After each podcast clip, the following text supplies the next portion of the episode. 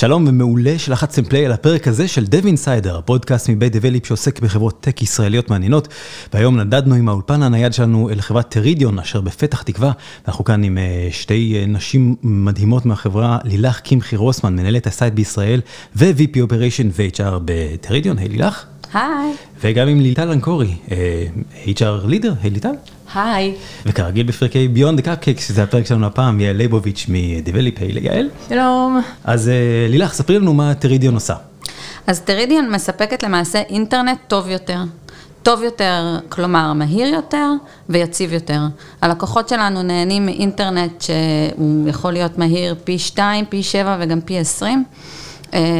והם למעשה מספקים, הלקוחות שלנו מספקים ללקוחות שלהם אה, חוויה טובה יותר בשימוש באינטרנט, בין בהורדה והעלאה של קבצים, אה, בין אם זה שימוש באפליקציות real time כמו שיחות וידאו וכדומה.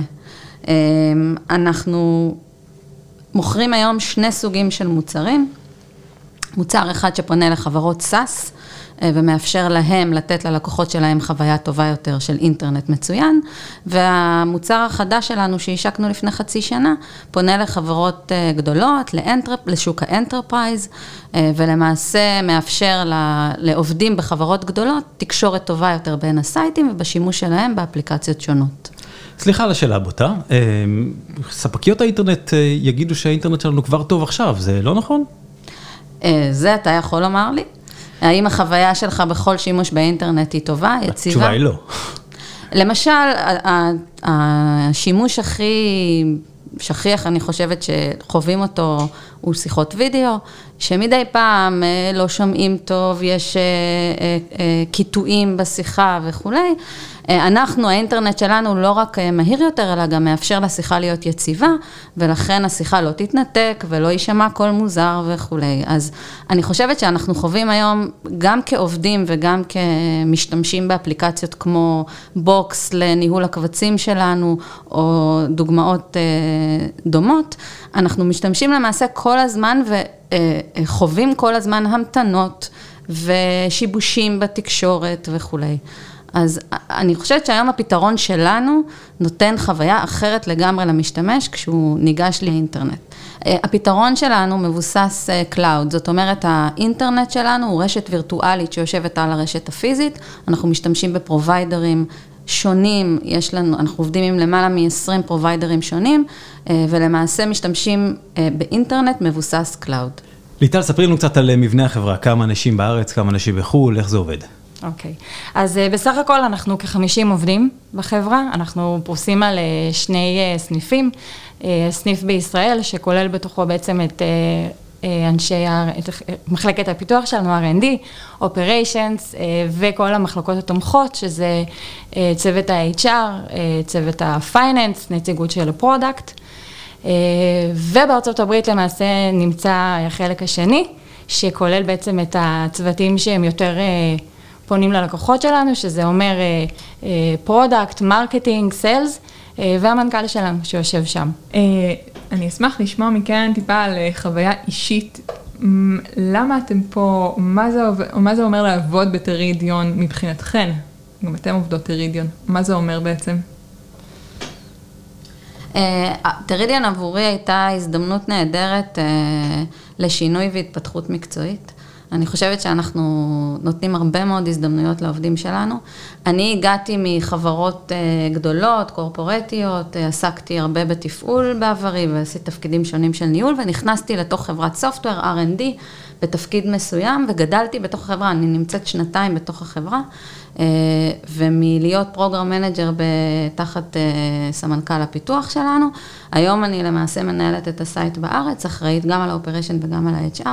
זו הייתה דרך נהדרת מבחינתי להתפתחות מקצועית, יחד עם ההתפתחות של החברה. מדהים. אז, אז בואו תספרו לנו ככה טיפה יותר על נגיד השנה האחרונה, במה התאפיינה 2019 מבחינת גיוסים, גדילה, לאן אתם הולכים בהמשך.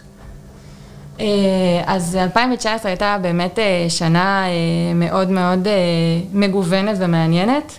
היא התחילה בזה שלמעשה השקנו מוצר חדש. שככה הביא איתו ככה משב רוח מרענן לכולנו.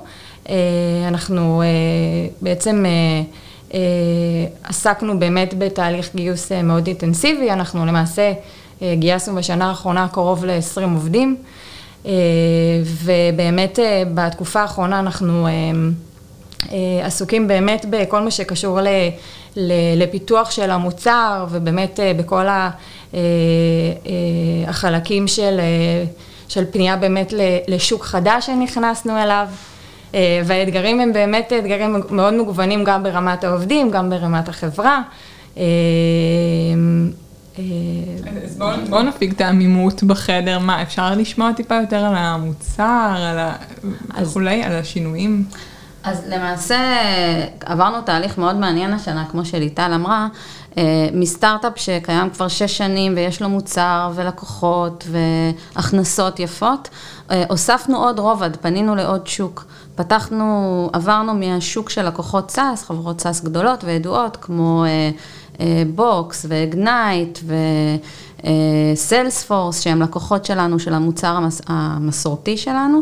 השנה פנינו לשוק ה enterprise, לקחנו את התשתיות של המוצר הקיים ובנינו מוצר חדש.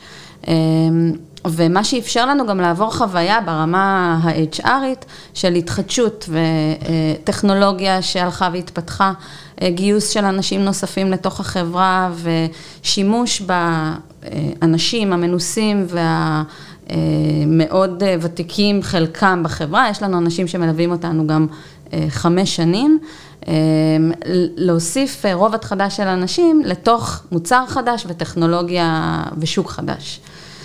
והתהליך הזה אפשר לנו מצד אחד ליהנות מהעובדה שיש לנו כבר הכנסות ובסיס טוב, ולהמשיך להיות סטארט-אפ שכל הזמן משתנה וכל הזמן דינמי והדברים קורים בו מאוד מהר, ואני חושבת שזה נותן חוויה מאוד טובה של יצירה לעובדים. אני רוצה להוסיף שבאמת ברמת ה-HR כל השינוי הזה שחווינו, הוביל אותנו בעצם לעשות פה כמה שינויים ברמת ה-HR, אם זה אנשים שבעצם קידמנו מתפקיד של אנשי פיתוח לתפקידים, לאנשים שהפכו להיות מנהלים ומנהלות, זה יצר את היכולת לעשות בעצם איזשהו ניוד, זאת אומרת אנשים שמפתחים ומפתחות שעבדו בשפה מסוימת, יכולנו לתת להם את האפשרות לעבור לשפה נוספת, שזה משהו שהוא מאוד חשוב, גם ברמת השימור של העובד וגם ברמת הערך שהוא מקבל מהחברה, ברמת עוד שפות שהוא רוכש. והמעברים דרך אגב היו גם לפעמים מעברים באמת מאוד גדולים, אנשים שעברו מה, לצורך העניין מה-R&D וקיבלו אצלנו הזדמנות לצבור ניסיון בתור אנשי DevOps, שאני חושבת שזה בסופו של דבר לגמרי ווין ווין גם של העובדים וגם שלנו כחברה. עוד נקודה מאוד מעניינת שגילינו בתהליך הזה, הוא שקרוב ל-50% מהעובדים שהצטרפו הגיעו מחבר מביא חבר. וזו הייתה, זה בעצם הביא את תהליך הגיוס להיות הרבה יותר יעיל ואפקטיבי. בתהליך גיוס יש בדרך כלל אי ודאות ופערים של ידע, של שני הצדדים, החברה לא מכירה את העובד ומנסה להכיר אותו בתוך התהליך, והתהליך הזה הוא בעצם הדדי. כש... העובדים הביאו את החברים שלהם, ולמעשה אנשים הגיעו כבר עם איזשהו מושג לאיך לעבוד בחברה ומה אנחנו עושים, ואנחנו קיבלנו המלצות על האנשים עצמם, אז התהליך עצמו היה הרבה יותר אפקטיבי, וההשתלבות אחר כך הייתה הרבה יותר טובה, ואחוזי ההצלחה בסופו של דבר של אנשים שנשארו היו גבוהים. טוב. בוא נדבר רגע, הייתי במטבח, ראיתי על השלט, על הלוח במטבח חמש שפות שונות. השאלה שלי היא, מי העובד הממוצע בטרידיון, אם יש כזה דבר? אני חושבת שאין ממוצע, כן, אנחנו מאוד מגוונים. מאוד מאוד מגוונים. אז בוא נדבר על הגוונים שיש כאן. אז אני חושבת שאנחנו באמת חולשים על כל הרבדים המעניינים שקיימים בחברה, החל מהמגדר, לאום. אמונה. יש לנו נשים באחוז לא רע, כולל אישה שיושבת בהנהלה. יש לנו עובדים ערבים ויהודים, יש עובדים דתיים. כשאנחנו מסתכלים על הסניף בארצות הברית, יש גם נשים וגם עובדים צעירים ומבוגרים יותר, ואפרו-אמריקאים. אנחנו באמת משתדלים לשמור על גיוון, אני חושבת שזה נותן לנו יתרון בראש פתוח, בחשיבה מחוץ לקופסה, גם הסביבה שלנו היא כזו ככל שניתן. זה נעשה באופן יזום או שזה... אז אני יכולה להגיד אה, שלא, אבל אני, ח... אני חייבת להגיד בתור HR שנמצאת הרבה מאוד שנים בתהליך גיוס, שגיוון מאוד מאוד מאוד עוזר בגיוס כשצריך לגייס אה, בכמויות גדולות. כי פתאום, פתאום נפתחים בפניך הרבה יותר שווקים אה, ש, שלא תמיד חשבת עליהם לפני. אה, אז איך, איך עושים את זה? אז בתהליך של הפצת המשרות, איפה מפיצים אותן, או, או, או במיון הראשוני, איפה זה קורה בעצם? אני לא חושבת שאנחנו עושים אפליה מתקנת או בוחרים לפי נכון. זה. אנחנו קודם כל מסתכלים על ה... סקילס של הבן אדם, על קורות החיים שלו, במפגש, על מה הוא מביא איתו. אה, אני חושבת שאנחנו באופן טבעי פתוחים יותר לראות מגוון של אנשים ולא פוסלים, אה, כי אנשים הם שונים. מעצם העובדה שיש כאן שונות שקיימת, ואנחנו חלק מהתרבות שלנו רגילים לעבוד עם סוגים שונים של אנשים, כל תהליך הגיוס אה, מאפשר קבלה הרבה יותר בקלות של אותם אנשים. אני מודה שלפעמים בקבוצות שהן מאוד גבריות, כשיבואו שני מועמדים ויהיו שניהם טובים באותה מידה, ייתכן והבחירה של להביא vibe אחר של אישה תעלה על השולחן, אבל זה אף פעם לא יהיה השיקול היחידי או המכריע. אוקיי, okay. אז אם אני עכשיו, אה, מישהו ששומע את המשדר הזה ושוקל לעבוד בחברה, מה אני צריך להכין בעצמי? איזה, אילו תכונות כדאי להכין באופי שלי?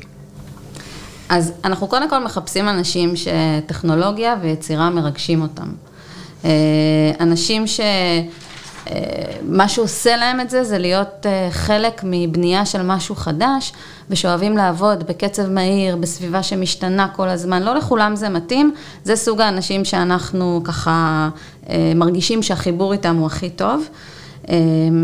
שלעבוד בחברה שהתרבות הארגונית שלה היא אני שם את האגו שלי בצד, ויש פתיחות ושקיפות, ששוב, זה נורא נעים לשמוע את זה ולהגיד את זה, אבל זה לא באמת מתאים לכולם. אה, אותם אנשים ישתלבו כאן יותר טוב וירגישו יותר בבית. אז אני חושבת שזה סוג האנשים שאנחנו מחפשים. בסוף אנחנו חברה קטנה יחסית, דיבר, דיברנו על diversity. אנחנו בסך הכל 50 איש ואנחנו מצליחים לשמור על איזשהו גיוון בתוך הגודל הזה, אה, ואני חושבת שבגלל שאנחנו חברה קטנה, אנשים שיודעים להיות עצמאיים, להביא איזושהי עבודה שהיא מצד אחד אה, אה, לא זקוקה כל הזמן לבקרה, ומצד שני כן יודעים לעבוד בשיתוף פעולה עם אחרים, זה בעצם אנשים שידעו להשתלב כאן נכון וירגישו שהם מצליחים להביא את עצמם לידי ביטוי. בסדר, אה, המון תודה. לילך קמחי רוסמן, מנהלת סייד בישראל ו-VP Operation ו-HR, תודה רבה. תודה לכם. וליטל קורי, HR לידר, תודה גם לך. תודה רבה. יעל ליבוביץ' מדבליפ, תודה לך. תודה רבה. ועד כאן עוד פרק של דב אינסיידר, הפודקאסט מבית דבליפ שעוסק בחברות טק ישראליות מעניינות, היום היינו בטרידיון, ועד הפרק הבא תשמרו לאינטרנט שלכם טוב יותר.